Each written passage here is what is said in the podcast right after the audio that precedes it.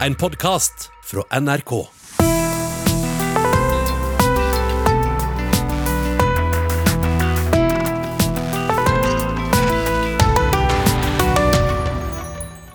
Om det er ribbe, pinnekjøtt eller pizza.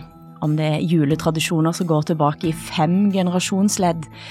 Om det du drømmer om aller mest aldri ligger under juletreet. Uansett hvor du er, hver dag i jula så skal du få være sammen med de som jeg har hatt aller mest lyst til å henge med denne underlige unntakshøytiden. Fordi de kan noe som jeg bare kan drømme om, jeg har historier å dele, eller rett og slett fordi de er veldig godt selskap. Mitt navn er Hilde Sandvik, som i dag har invitert forfatter og kritiker Sandra Lillebø til å være med meg i neste timen, med en foreløpig hemmelig gjest. Velkommen, Sandra. Tusen takk. Takk for at du ville komme hit i dag. Jeg har en eh, tilståelse å komme med, fordi da jeg fikk spørsmål om å lage program for juledagene, så var min første tanke at jeg kanskje kunne kalle det program for Tingenes tilstand. Ja, Eh, Det forstår kanskje du? ja Ja, forstår jeg godt. det forstår du godt. Ja. Og hvorfor forstår du det godt? Fordi det er en god tittel, først og fremst. Uh, og, så, eh, og så er det jo Jula er jo et tid der um, man gjerne kommer til innsikter som man kanskje ikke har lyst til å ha. Mm. Uh, man konfronteres med virkeligheten. Mm. Uh, eller man åh, Det går fint. ja. Ja.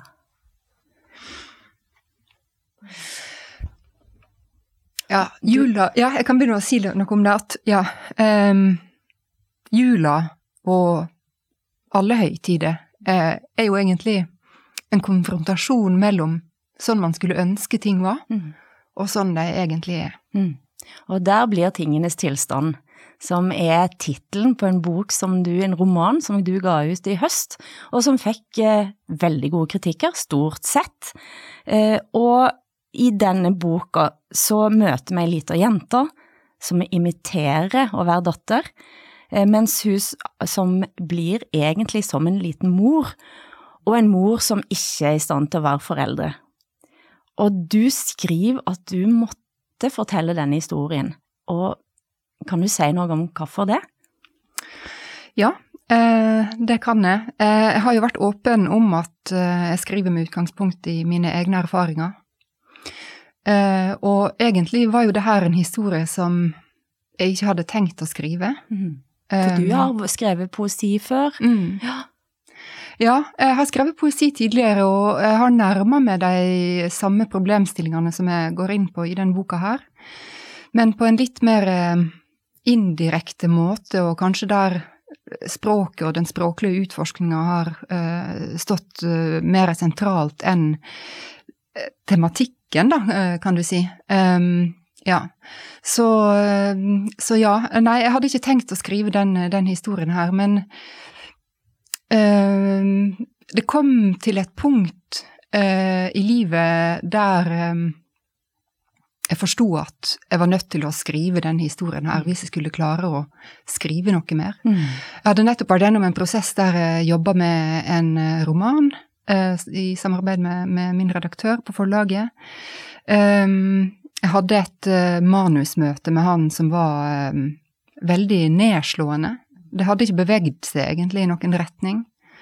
Og um, han sa til meg flere ganger at um, du må jo skrive alt du vet. Mm. Og hvorfor skriver du ikke alt du vet? Mm.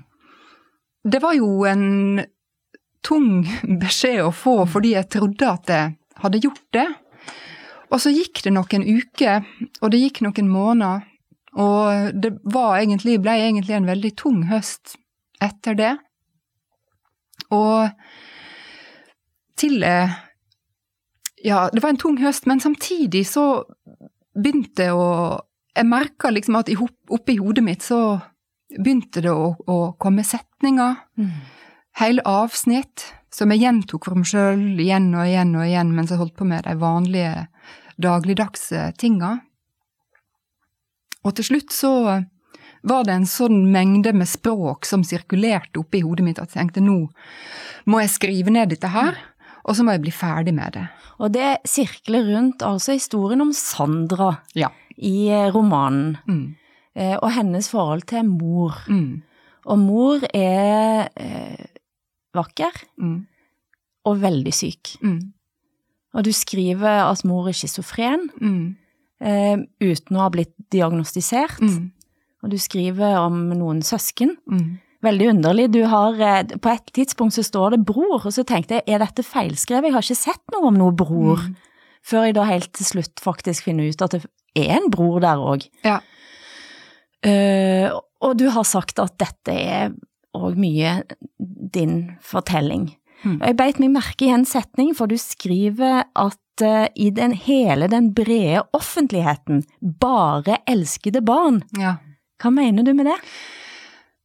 Den betydninga som det har for mennesker, og når man kommer til verden, um, bli møtt uh, som et helt menneske, og bli elska grunnleggende for den man er, Mm. er mye mer avgjørende um, enn det som kommer frem. Um, um, For hele måten vi håndterer resten av livet på, for måten vi framstår i verden på. Ja, for alt Ja. det der, det er rett og slett en veldig grunnleggende ting som handler både om um, hva slags Altså, selvtilliten er jo én ting, men, men en annen ting er jo, er jo nettopp dette her med, med tilblivelsen av språket, ikke sant? Um, så um, Nå snakker jeg meg kanskje litt bort her, men, men, eh, men det jeg mener med det, først og fremst når jeg, når jeg skrev det uh, i hele den brede offentligheten, bare elskede barn, uh, så, så um, Ja, nei, nå må jeg begynne på nytt igjen. Det går, det går, Ja, det går fint. Det er heftige ting, så det mm. Schizofreni er jo veldig mange ting. Mm. Um, men først og fremst er det jo en kontaktskade um, som gjør at den syke personen har veldig dårlige forutsetninger for å uh, skape relasjoner. Mm. Uh, har veldig dårlige forutsetninger for f.eks. å speile barn, som er helt avgjørende for at barn skal kunne komme til orde som de de er. Mm. Så i, i psykologien så finnes det jo et begrep som heter falske selv. Mm. Ja. Og det er jo en eh, eh, Det er jo relevant for den, for den problemstillinga her, fordi Å, Åh, gud.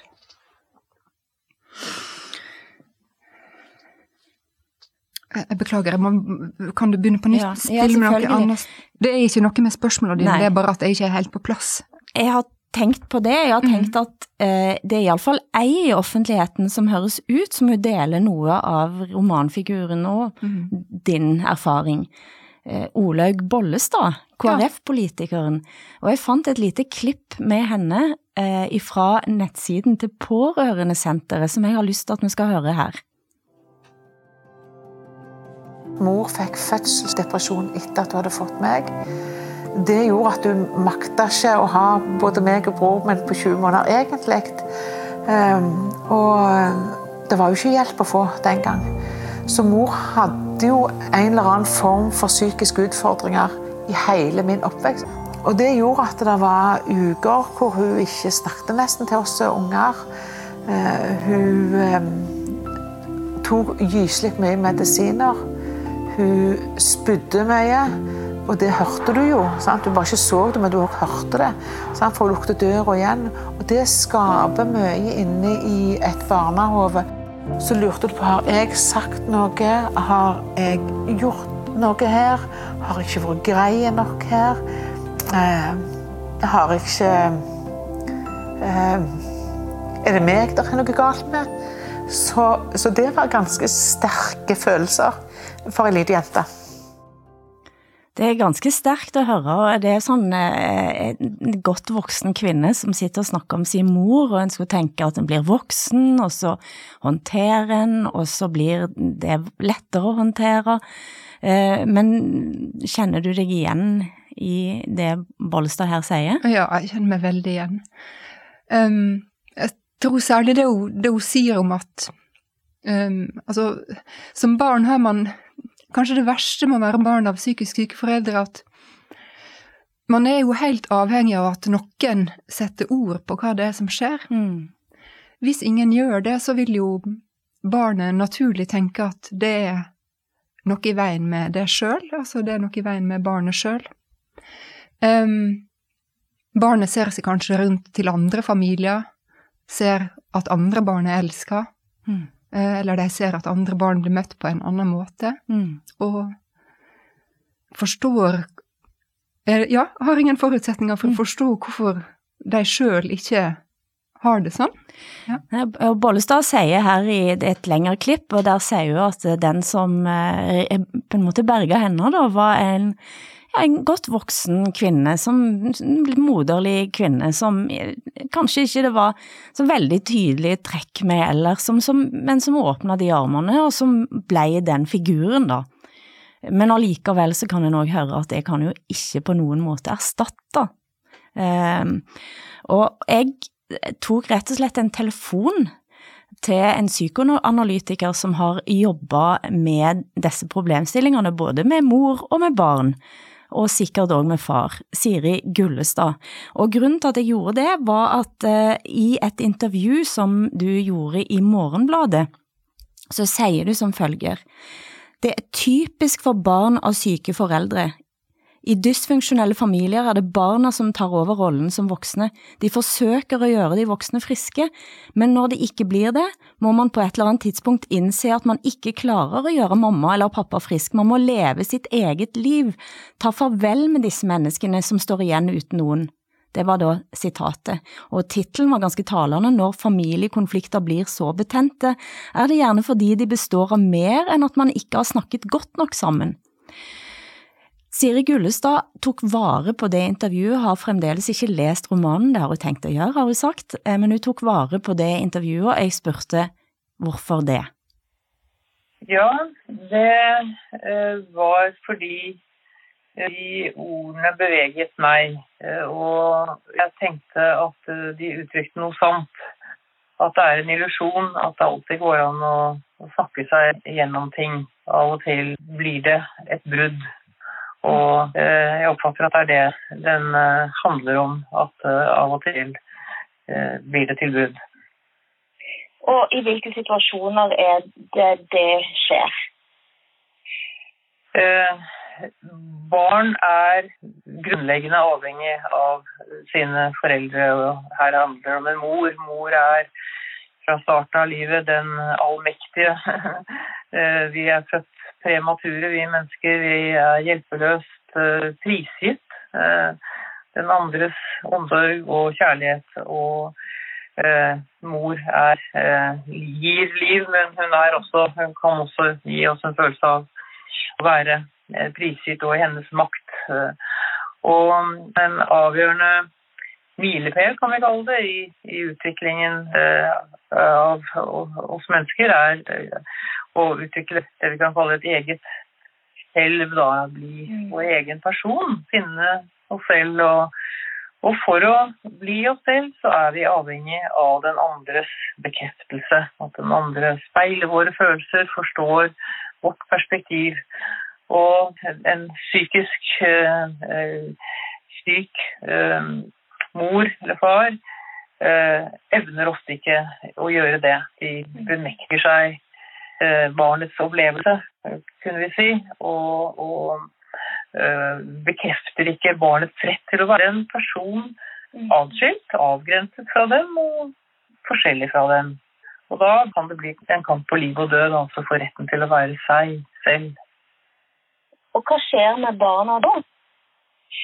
Ja, altså, du, du, tenker Hvis de ikke får den bekreftelsen, mm. uh, så, så vil de jo leve i en form for uh, falsk selv. En, en, kjent psykoanalytiker som Winnicott som har kalt det. altså at du, Barn er grunnleggende avhengig av foreldrene, så du tilpasser deg. da barnet kommer i foreldreposisjon til sin egen mor eller far, på en måte, og tar på seg et ansvar. Mor blir ute av seg hvis barnet er sint, eller tåler ikke barnets egne uttrykk, på en måte. og Barnet lærer seg til å bevare relasjonen til mor, som alle barn er avhengig av, så tilpasser barnet seg og lærer seg å ta vare på mor. en psykisk lidende person kan jo være veldig forstyrret i oppfatningen av virkeligheten, hva som er farlig, hva som går an og ikke går an, og binder barnet inn i det. Og øh, barnets utfordring blir å frigjøre seg, rett og slett. Frigjøre seg fra mor. Og gi opp håpet, det er også et aspekt ved det. Altså, du, du, tror, barnet håper og tror at bare jeg gjør sånn, og bare gjør sånn, og bare gjør sånn, så vil kanskje mor øh, kunne øh, bli fornøyd eller endre seg eller bli i orden. og det rednings, sånne redningsforsøk er uh, ofte altfor ja, dessverre altfor ofte mislykket. Hun snakker om frigjøringen og nødvendigheten av frigjøringen, eh, og, og, det er jo sterke ting hun snakker om. Eh, og jeg så du satt og, og nikka. Ja. men det å høre òg på et vis, altså høre en psykolog eh, si at det faktisk er det som må til. Ja. Eh, det er på mange måter det du har gjort gjennom romanen din òg, er det ikke det? Ja. Um, altså Unnskyld. Um, romanen starta jo med erkjennelsen av at nå må den historien her skrives, og det betyr at relasjonen med mor er ferdig. Uh, det er sånn romanen åpner. Mm. Um, og resten av, av, teksten er jo en utforskning av hvorfor det måtte bli slik. Mm. Ja. Um, så det er på en måte Det er jo et um, et bestemt Hva jeg skulle si Det er jo et brudd. Uh, altså, romanen åpner rett og slett med et brudd. Mm. Men det er ikke noe svart-hvitt i det bruddet. Mm. Eh, hvis, etter, hvis, etter, det bruddet skal kunne utforskes på en ordentlig og grundig måte, så må jo eh, alle sidene ved det eh, belyses. Mm. Så det er det jeg har forsøkt å gjøre. Og det er det som ligger i tanken om at en må skrive det ut, da? Ja. Eh, det er jo Jeg har litt behov for å presisere, fordi at det er jo Jeg har jo gitt ut den boka her. Eh, og jeg må jo si at når jeg skrev boka, så var det jo for min egen del. Mm. Men det var ikke noe eh, På det tidspunktet tenkte jeg ikke at jeg skulle gi den ut. Det var en avgjørelse som kom ganske seint mm. i prosessen, eller seint i skriveprosessen. Um, slik at uh, fordi en utgivelse medfører uh, en del etiske og moralske uh, mm. problemstillinger som um, som angår flere enn bare meg. Mm. Så mens skrifta kun var for min egen del, så, så, eh, så har utgivelsen en eh, annen begrunnelse. Mm. Nei, for du sier i, i, romanen så står det å skrive om et annet menneske, en som ikke kan forsvare seg, er en form for vold. Det sier karakteren da, Sandra, nokså hissig til sin venninne O, som er med fra nokså tidlig i boka. O er sjøl forfatter, og skrev da, akkurat da, bok om sin egen sønn. Hun blir lei seg, står det, og hun går hjem. Men nå sitter hun altså her i studio med deg, forfatter Olaug Nilsen, mm. som da satt altså og skrev på tung tids tale, der den autistiske sønnen Daniel òg bærer din sønns navn. Ja. Og nå er du òg blitt romankarakter eh, mm. her hos Sandra. Varmt mm. velkommen, Olaug. Takk. Du har jo sittet her og hørt på mm. nå. Eh, hva refleksjoner har du gjort deg? Altså, eh, jeg syns jo alltid at det er sterkt å høre Sandra snakke om dette, men eh, noe av det som gjør det sterkt, er jo at jeg veit at det tok tid før jeg kunne forstå alvoret i, i hennes fortelling. Mm. Um, og, og, og, og fordi at det er jo noe med det at når en skal fortelle andre om tunge ting i sitt eget liv, eh, så trenger en jo å nå fram. En trenger å bli sett og forstått og møtt på at det er viktig. Akkurat litt på samme måte som, eh, som en snakker om å få den bekreftelsen fra mor, ikke sant. Altså en må, omgivelsene må forstå at det her er nødvendig, det her er viktig. Mm. Og det var jo noe av eh, min største frykt eh, ved å gi ut tungtidstale eh, at folk ville fordømme meg for å gjøre det. Mm. At folk ikke ville forstå, at leserne ikke ville forstå at dette var nødvendig, at dette var viktig. Eh, og jeg opplevde jo òg, og noe av det som jeg skrev om i tungtidstale, det var jo hvordan eh, jeg og familien min kjempa for å få hjelp, og opplevde å bli møtt med mistru eh, og eh, Altså i hjelpeapparatet.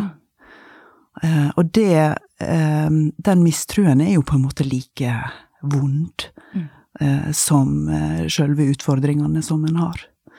Så eh, eh, Så jeg tenker at det eh, Sandra nå har fått til, er jo å vise og forklare hvordan dette har vært, og hvordan dette er for mange. Og at det har en stor verdi, og, og eh, jeg kjenner meg eh, takknemlig som har fått delta i prosessen, og jeg kjenner at det var først når hun formulerte manuset Eller jeg kjenner, jeg veit at det var først når Sandra formulerte det her manuset, at jeg fullt ut forsto hvor tungt dette hadde vært, og hvor viktig del av Sandras livsfortelling det her var. Og dere har kjent hverandre en stund? Ja, Ja. er en stund siden jeg flytta til Bergen, eh, omtrent. Mm. Mm. Kjenner du deg igjen i denne beskrivelsen fra kvelden? Ja. Du husker jeg det? Får jeg lov å spøke om det, for det er jo egentlig ganske tungt, og det var jo en tung episode. Men kan jeg få lov å si en, litt morsom ting om det òg? Første gangen noen har skrevet om meg i en roman. Gratulerer med det. Takk. Er du sikker på det for øvrig? Nei, det, det kan en jo selvfølgelig aldri vite. Men, men uh, i tillegg til at eh, jeg forsto veldig godt hvorfor hun tok det med, ikke sant? og jeg leste manuset på et ganske tidlig tidspunkt, og jeg ble ikke fornærma, jeg ble ikke lei meg, jeg skjønte bare veldig godt at det her er viktig, dette her er jo en essensiell del av Uh, ja, forløsning av stoffet, kanskje, rett og slett. Og, uh, og det var mer, jeg tok det mer som en sjølkritikk enn eh, enn at liksom Sandra fornærmer meg, eller, eller noe sånt, da. Og, ehm, og, og, og nettopp det, for at i fortsettelsen av det sitatet, så, så, så Altså fordi hun, hun, det som skjedde i den situasjonen, var jo at jeg fikk, fikk kritikk for å utøve vold eh, mot mitt barn når jeg skrev om han. Eh, og så i den situasjonen så ble jeg lei meg, eh, mens det Sandra var ute etter, var jo at jeg skulle huske at hun hadde gjort det samme. Men det klarte jo ikke jeg, så langt så jo ikke jeg, jeg så jo bare meg sjøl og min, eh, og mitt problem, sant, altså min situasjon. Eh, og jeg tenker at det der med å liksom bli sett og bli hørt, og ikke bare i, i livet, men òg som forfatter, bli sett i offentligheten, og bli forstått og satt pris på, og tatt på alvor i offentligheten, at det òg har noe å si. Og, eh, og jeg har tenkt en god del på, altså For eh, Tingenes tilstand har jo overveiende fått veldig gode kritikker. Eh, men òg eh, noen eh, moralske dommer, det må jo være lov å si at det har vært moralske dommer. Men vi har jo gjort det samme. Mm. Jeg har utlevert et barn som ikke kan forsvare seg, og Sandra har utlevert ei mor som ikke kan forsvare seg, og jeg har av og til tenkt at ja, men det, barnet er mer sårbart, det er jo jeg som er mammaen her, at min, min maktposisjon er masse sterkere. Altså eh, at jeg har utøvd et større eh, eh, maktovergrep enn det Sandra har gjort.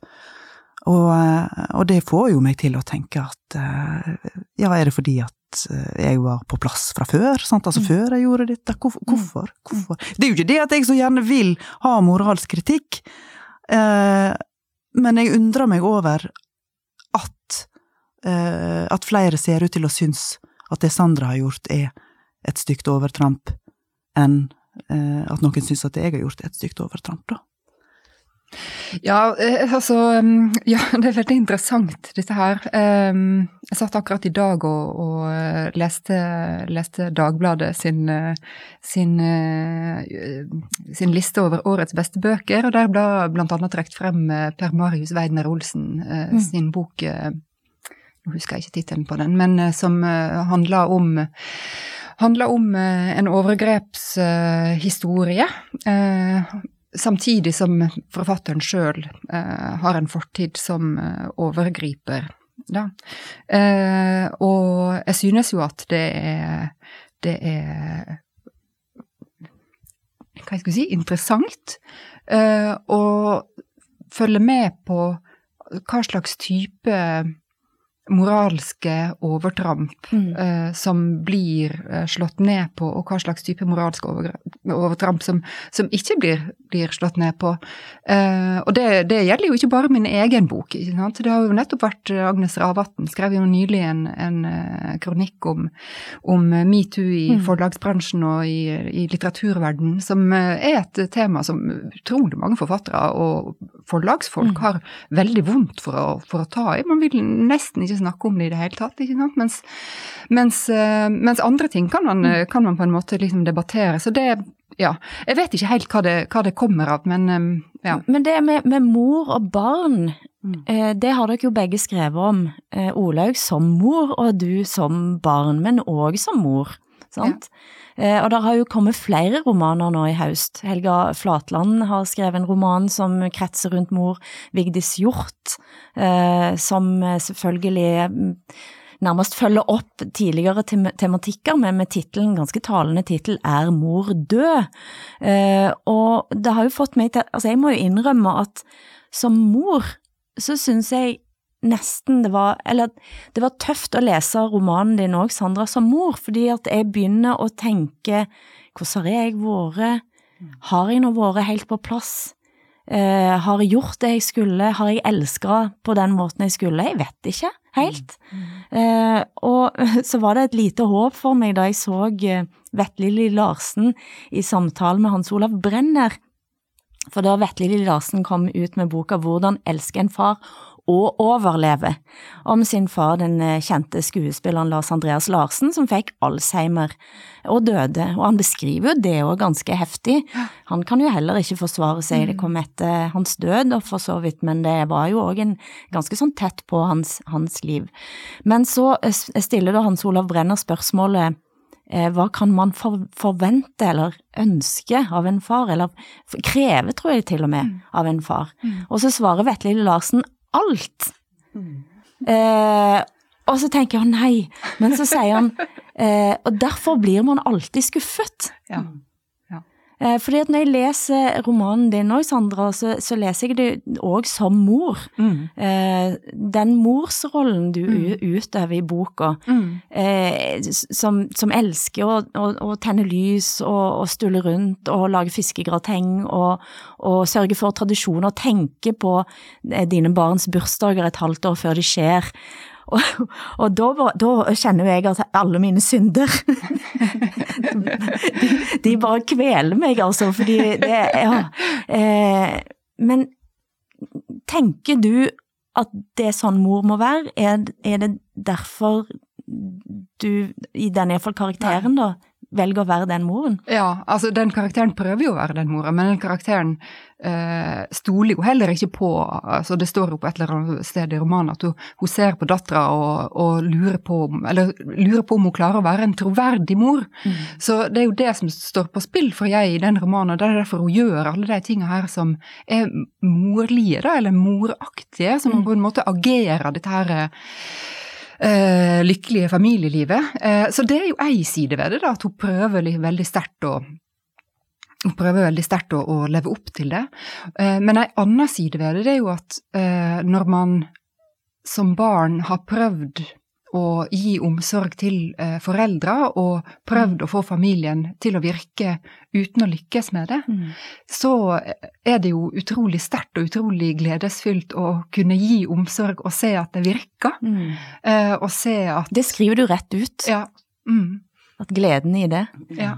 Og Olaug, du har jo òg i den boka, altså i din roman som kom ut nå, ytt Mm. etter evne, få etter behov. Mm. Eh, Så er det jo mange morsskikkelser, og noen fikser det, og noen fikser det ikke. Og det er Mm, mm. altså kvinner eh, i alle slektsledd. Ja. Eh, og, og, og Martha og Maria fra Bibelen er sentrale figurer, altså. Mm. Eh, hva tenker du om morsrollen, både som den blir presentert, Mm. og hvordan han er i virkeligheten? Ja, eh, altså i Yt etter evne, få etter behov, så, eh, så er det jo kanskje spesielt Gudrun, da, som er mor til de søstrene som er hovedpersoner.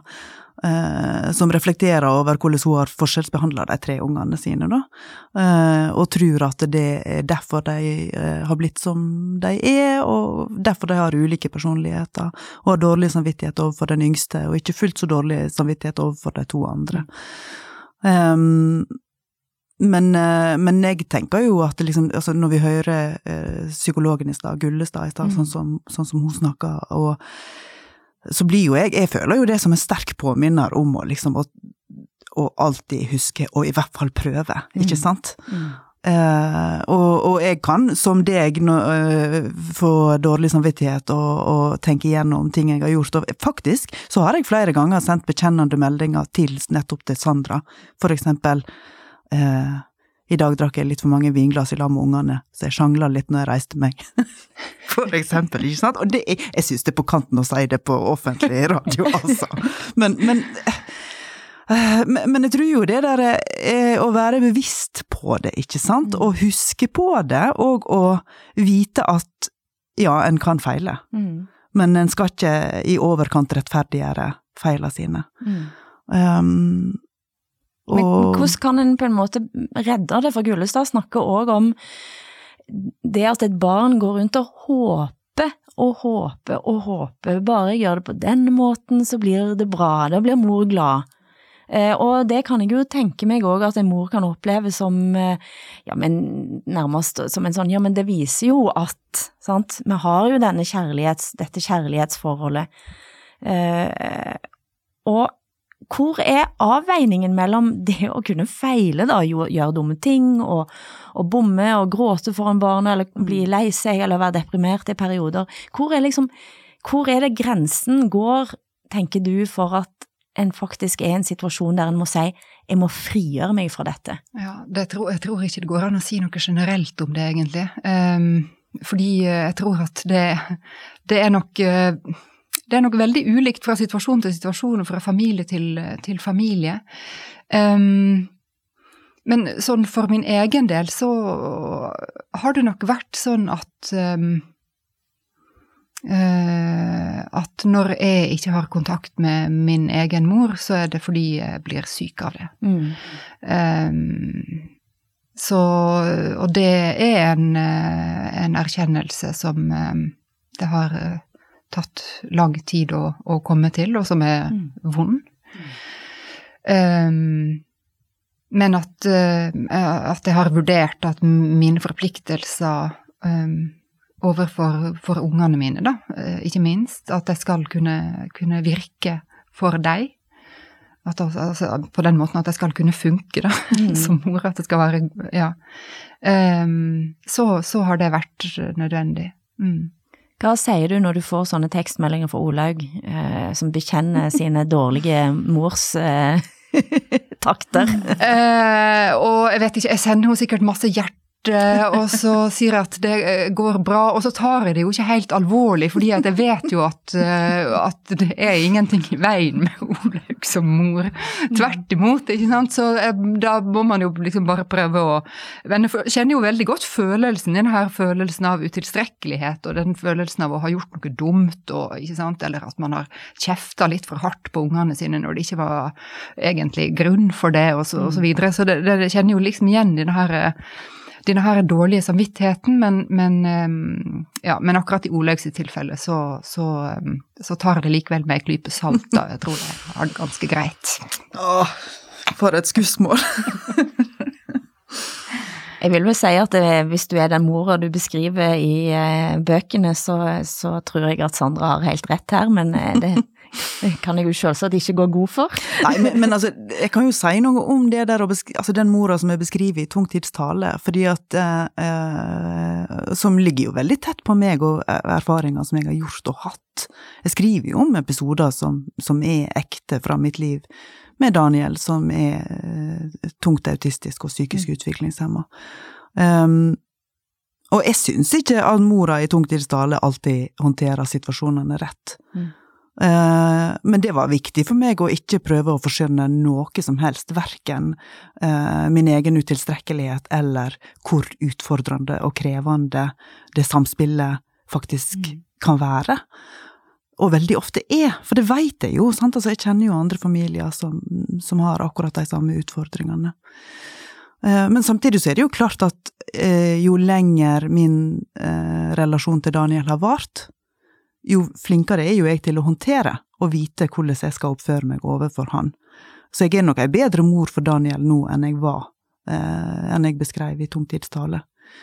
Um, men, men, jeg tror jo kanskje at det å skrive nettopp opp den utilstrekkeligheten som den gangen var helt reell, altså, mm. Eh, at det òg eh, var eh, Altså, ja, at det kanskje faktisk rett og slett kunne være et sånt læringspunkt for andre òg. Altså, for det, det, er noe med det der å innrømme sin utilstrekkelighet, for det er akkurat som om du da kan på en måte komme videre.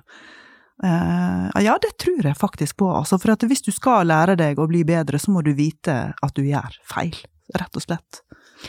Jeg spurte Siri Gullestad om, om, om akkurat det, uh, og spurte henne òg om den kritikken som du har fått blant annet i Morgenbladet for å skrive en hard og, og nesten kald roman, eh, om, om, det sinnet eh, som òg en kan lese mellom linjene, er noe hun kan kjenne igjen.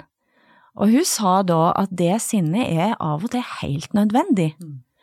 Og da er spørsmålet den, Hvis en får kritikk for å vise det sinnet, så kan en si at ja, det er jo en, han, han, anmelder et litterært verk, eh, men eh, jeg tenker jo òg på det rommet da for å tematisere noe som kanskje til og med er hardt.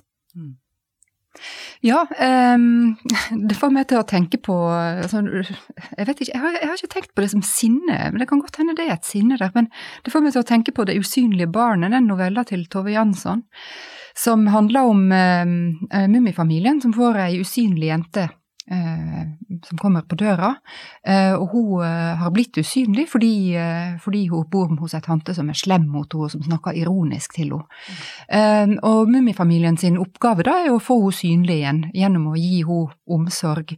Og litt etter litt, altså først så vises, vises liksom føttene hennes, og så er det ei sløyfe som kommer til syne, osv.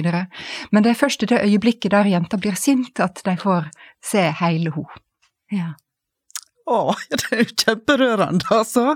Men, eh, men jeg tror òg det, og så tror jeg at liksom, altså eh, Romaner kan jo være forskjellige ting. Eh, det er ikke liksom ei form som gjelder for romankunsten. Det er det ikke, altså. Og det er jo noe med den der sterke stemma som etablerer seg i boka, at det er jo en del av sjølve historia, at stemmen kommer fram. Og det er jeg syns at eh, det er helt innafor, og jeg syns jo og, og, og, ja, eh, jeg syns jo at det var det samme som jeg gjorde i Tungtidstale. Mm. Altså at det er liksom nødvendig å kjempe seg gjennom noe, og så kjem, og så er en liksom fri. Ikke sant? Jeg tenker jo at det er Altså, det er jo også et av poengene som jeg prøver å skrive om i boka også, og det syns jeg jo er litt eh, rart at det ikke er så mange kritikere som har, som har tatt tak i det, men fordi at det er jo også en, en utfordring av det rådende litteratursynet der. Altså den eh, aller strengeste tolkninga av eh, autonomiestetikken og den aller, eh, liksom det aller strengeste kravet til at litteratur alltid skal være eh, noe som er veldig ambivalent, og som mm. alltid, alltid er veldig komplekst, ja, komplekst og veldig flersidig.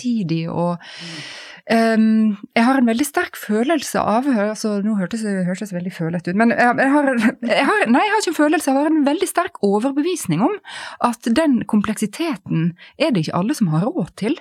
Og at um, Det er et klasseperspektiv snakker du om her? Ja, det, et, på en måte et klasseperspektiv, men, uh, men det, det, handler jo om Det handler jo om uh, Altså, Albert Camus sier jo det at, sant, at det, det, eneste, det, eneste, reelle filosofiske problemet her i verden er selvmordet. Og sånn som jeg tolker Camus, så betyr det at uh, det aller meste her i verden er, er, er, i gråtoner, ikke sant. Det er veldig mye svart, og det er, mye, det er ikke så mye svart og hvitt. Um, men i enkelte spørsmål så må man velge ja eller nei. Mm. Skal man leve? Mm.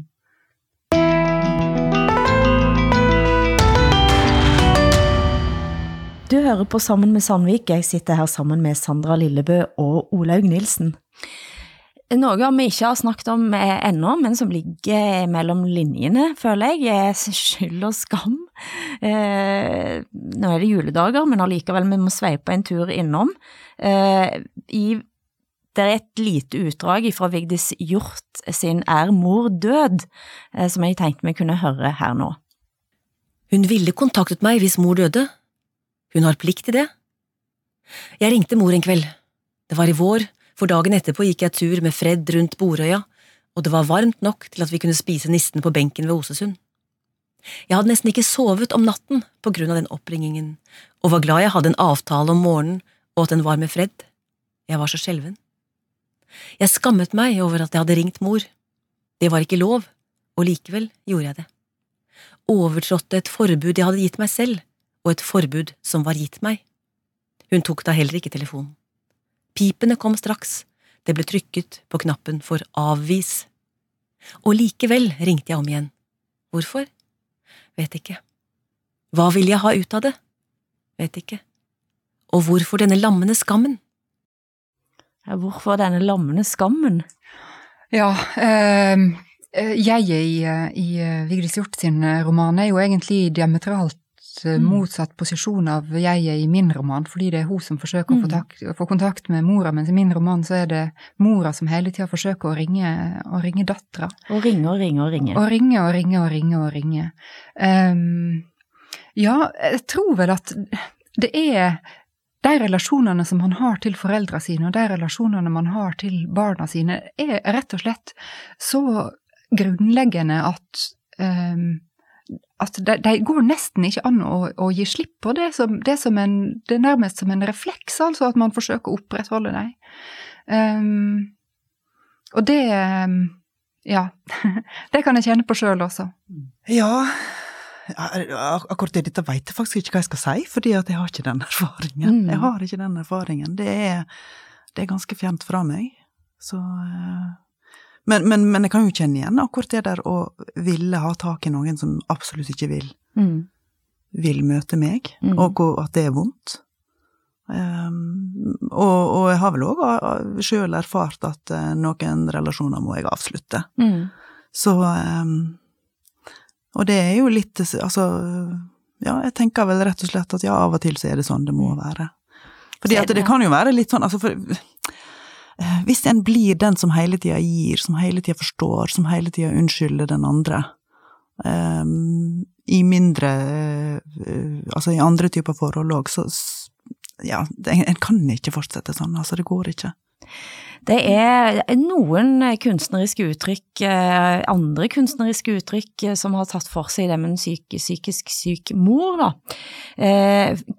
filmen Phoenix kom ut for noen år siden, Camilla Strøm Henriksens debutfilm, der eh, Maria Bonnevie spilte mor, eh, Ylva Tedin Bjørkås spilte datter, og her er det et lite klipp fra salongen der Camilla Strøm Henriksen forteller om sin erfaring, og det er et lite klipp fra filmen til slutt.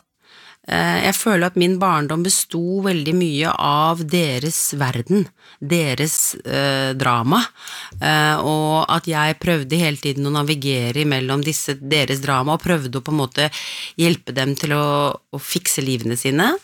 Eh, og midt oppi det så sto jo jeg og lillebroren min, og så gjorde jeg jo hvert fall mitt beste for at liksom eh, beskytte han litt for det, da. Eh, men selvfølgelig bare delvis, fordi han var jo også eksponert for alt. Eh, for alle veldig heftige omveltninger og, og ganske store svik fra, fra, våre foreldre. Så det var jo ikke sånn at jeg liksom lyktes i den beskyttelsen.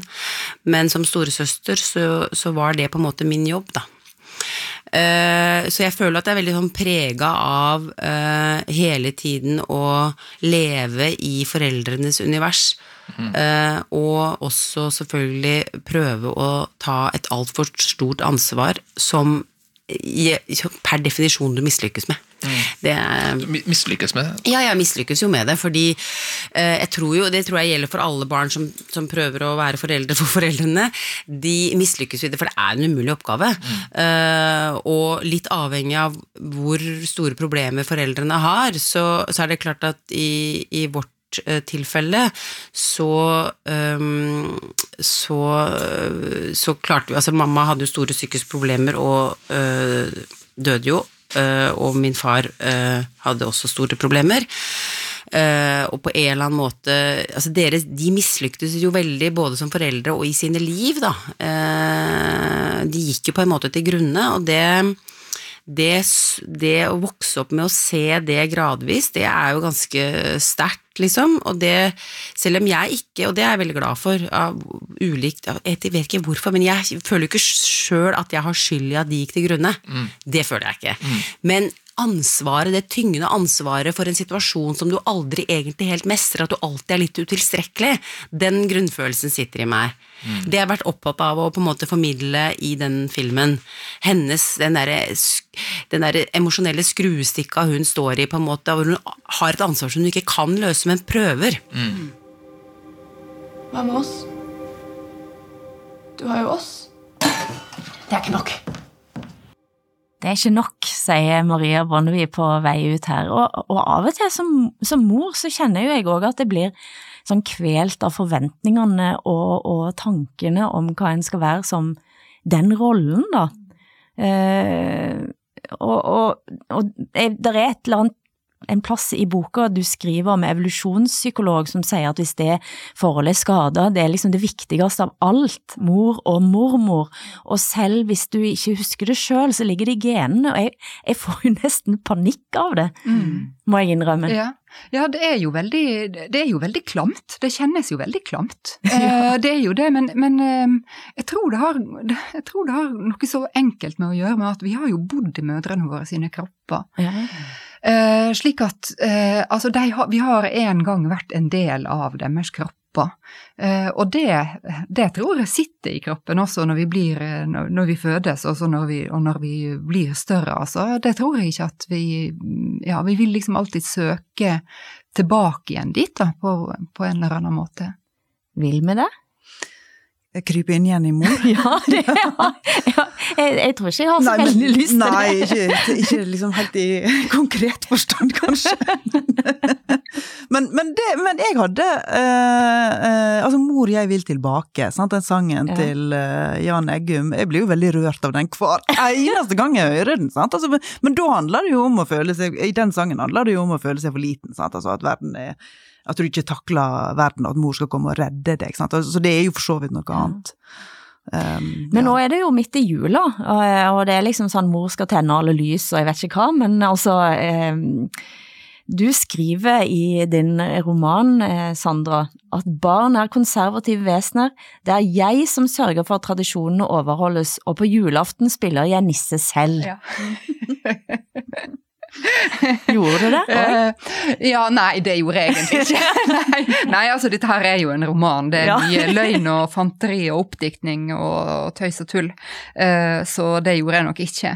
Uh, men det med at barn er konservative vesen, det, det tror jeg veldig på. og det handler rett og slett om at barn er avhengig av forutsigbarhet. Ikke sant? Mm. Inne i kunsten så er vi jo veldig opptatt av dette her med at ting skal være overraskende og spennende osv. Men altså, små barn vil ikke ha spenning spenning. De vil vite nøyaktig hva de får, og få det. Ja. Ja. Mm. Men eh, jul, vi må snakke litt om jul, da. Eh, hva, hva, gjør dere for noe? Eller hva gjør dere ikke? Jeg gjør alle de liksom, tradisjonelle tingene. Du, du begynte ja. i mars, du? Nei, det gjorde jeg faktisk ikke, men jeg planlegger veldig nøye liksom, hvordan det skal være. da, altså, altså Hva slags uh, adventskalender barna mine skal ha. Selv om det er veldig enkelt, altså den ene får flakskalender og den andre får sjokoladekalender, så må det på, må, må på en måte liksom bestemme meg for det og vite hva det skal være. Ja. Uh, slik at det på en måte ikke skal komme Du har kontroll på det? Ja, at jeg har kontroll på det, ja. ja. Så, og ja, jeg er veldig glad i å lage tradisjonell julemat og uh, ja, og lage våre egne tradisjoner også, da. Lage konfekt og ja. For, for det, du hadde ikke så veldig mange tradisjoner når du vokste opp i julen? Nei, jeg har egentlig ingen, uh, ingen følelse av å ha hatt en bestemt barndomsjul. Vi flytta veldig mye, jeg hadde skilte foreldre, så uh, hver jul var egentlig uh, helt unik. og, og, jeg hadde mange fine juler. Mm. Mm. Men akkurat dette her med å, med å um, ja, med ritualet og at, å gå til noe kjent og trygt, det, det har jeg savna, og det prøver jeg å skape for mine egne barn. Det spørsmålet vi stilte innledningsvis til både Sandra og Olaug, altså er, er vold å skrive om noen som ikke kan forsvare seg. Mm. Den kritikken har, eh, har du fått. Eh, og nylig så leste jeg en kritikk på, jeg tror det var bloggen Madammen, som, som, som påpeker det, da, det faktum at her er det noen som, er, som ikke får lov til å eh, reise sin egen stemme. Ja. Forstår du det? Og ja, er du enig med din egen stemme i romanen som ja, sa at det er kalt det vold? Ja, jeg, jeg, mener jo at det er en form for vold. Jeg mener jo det. Altså man utøver jo en form for makt når man tar ordet, når man ytrer noe offentlig. Det må man tåle. Det er et valg jeg har tatt å gjøre det. Og jeg må tåle den kritikken. Um, så er det jo sånn at når, altså, når, jeg likevel har tatt det valget, så, så, handler det om at det har andre hensyn også å ta, da. Mm. Som er, altså, som er veldig mangfoldige, som handler helt fra mine private ansvar, for, altså for uh, mine egne barn. Men jeg kjenner jo også et ansvar for å Uh, dette her med litteratursynet som jeg, uh, jeg, skriver om i romanen, er viktig for meg. Det, og det mener jeg at der har jeg jo et ansvar som forfatter for å prøve å diskutere de tinga her. Um, og eh, når jeg ga ut romanen, så handler det jo også om at jeg vil at alle de barna som eh, i dag vokser opp i lignende situasjoner som det jeg har erfart sjøl, kanskje kan føle seg litt mer sett. Og det må jeg si at det, det har vært veldig fint å få fine kritikker, og det høres sikkert litt nesten antilitterært ut å si, men eh, de meldingene som jeg har fått fra folk som har lest romanen min, og som skriver til meg på Messenger klokka halv tre om natta og sier at jeg har skrevet om livet deres, det, det har vært like viktig, altså. Mm. Og det har du fått ganske mye av? Ja, jeg har fått veldig mange av det. Og eh, eh, det er det er opprørende fordi altså djupt inni meg sjøl så trodde jeg jo egentlig at vi var nesten ganske aleine om å ha det på denne måten her. Og så Jeg hadde aldri før snakka med noen som har hatt en lignende oppvekst som min. Og, eh, og, så oppdager jeg at vi er jo så mange, og alle går rundt i den samme stillheten og den samme ensomheten. Så det å, det å kunne åpne et rom for å kunne snakke om de eh, erfaringene, det, det, er jeg veldig glad for at jeg har vært med på. Mm. Og, og hva, hva, nå, da? For det lurer jeg på. Mm. Eh, du måtte skrive denne mm. romanen. Ja. Men eh, hva nå? Ja, nå er det det som har ha trukket ut ei propp, altså. Temaet bare melder seg det ene etter det andre, og det masse, jeg har masse ting å skrive om som er helt andre ting. Ja. Mm. Hmm. Så, så, det skal jeg gjøre nå. Den erfaringen som du har, deler Olaug òg, det med at, eh, at, eh, som jeg har hørt deg snakke om før, mm. Eh, at en blir kontakta, ja. en blir et nesten et talerør. Mm, ja. ja. Og du sier at du faktisk ikke, til tross for at dere har kjent hverandre så lenge, visste ikke om dybden mm. i den sorga. Ja. ja. men jeg visste jo altså jeg visste noen faktaopplysninger om, eh, om situasjonen som Sandra hadde vokst opp i, men jeg, men jeg forsto det ikke. Jeg forsto det ikke, altså. Men, men, eh, men eh, og, og, jeg mener det, altså som jeg sa i stad, at jeg trengte romanen for å forstå det. Mm. for å forstå hvor gjennomgripende det var. Men det kan hende at det sier noe om meg òg, da, og sier noe om meg som venn. Så det, det, kan, det kan, være. At du ikke hører etter, rett og slett? Eh, ja, at jeg ikke hører etter. At jeg ikke liksom At jeg bare ja ja, ok, ja ja. Men, men, nei, men, eh, men, ja. Eh, nei, men det vil jeg gjerne si noe om, fordi det er jo et eller annet der. Ikke sant? Altså, det er jo noe med å finne et språk som er presist nok for de erfaringene også, som er ikke sant? Hvis at du som 18-åring, eller som 19-åring, eller som 25-åring, så hendte det jo rett som, som, det var at jeg sa til venninnen min ja, mamma er helt gal. Mm.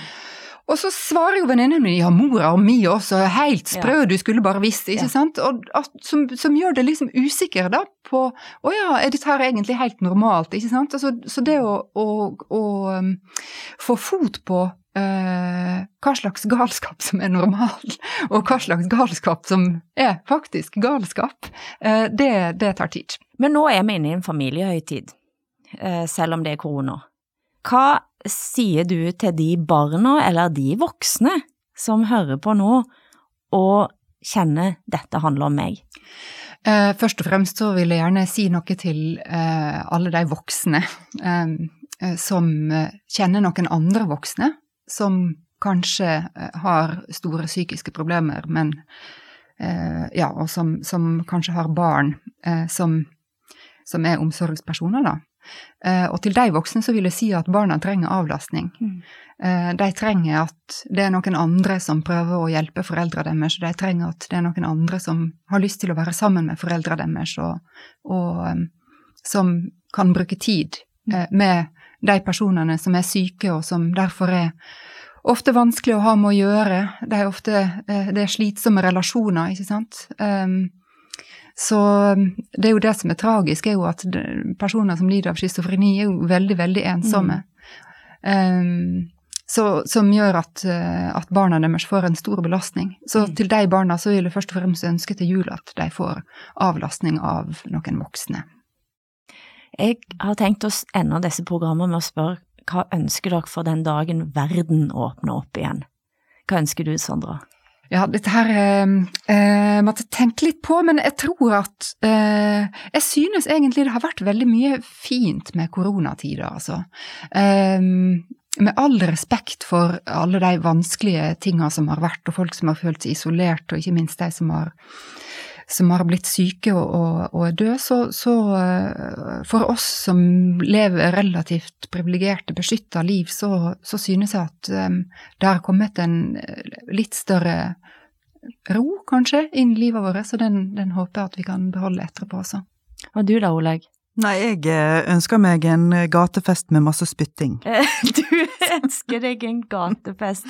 Jeg har funnet fram en gatefest med mye spytting, nemlig et lite klipp fra Oppsal Musikkorps, som spiller opp for en gatefest. Vi lar det være de siste tonene ut her i dag. Tusen takk for eh, selskapet Sandra Lillebø og Olaug Nilsen. Mitt navn er Hilde Sandvik og tekniker for dette programmet har vært Sondre Mogård, og i morgen er jeg tilbake med et nytt følge.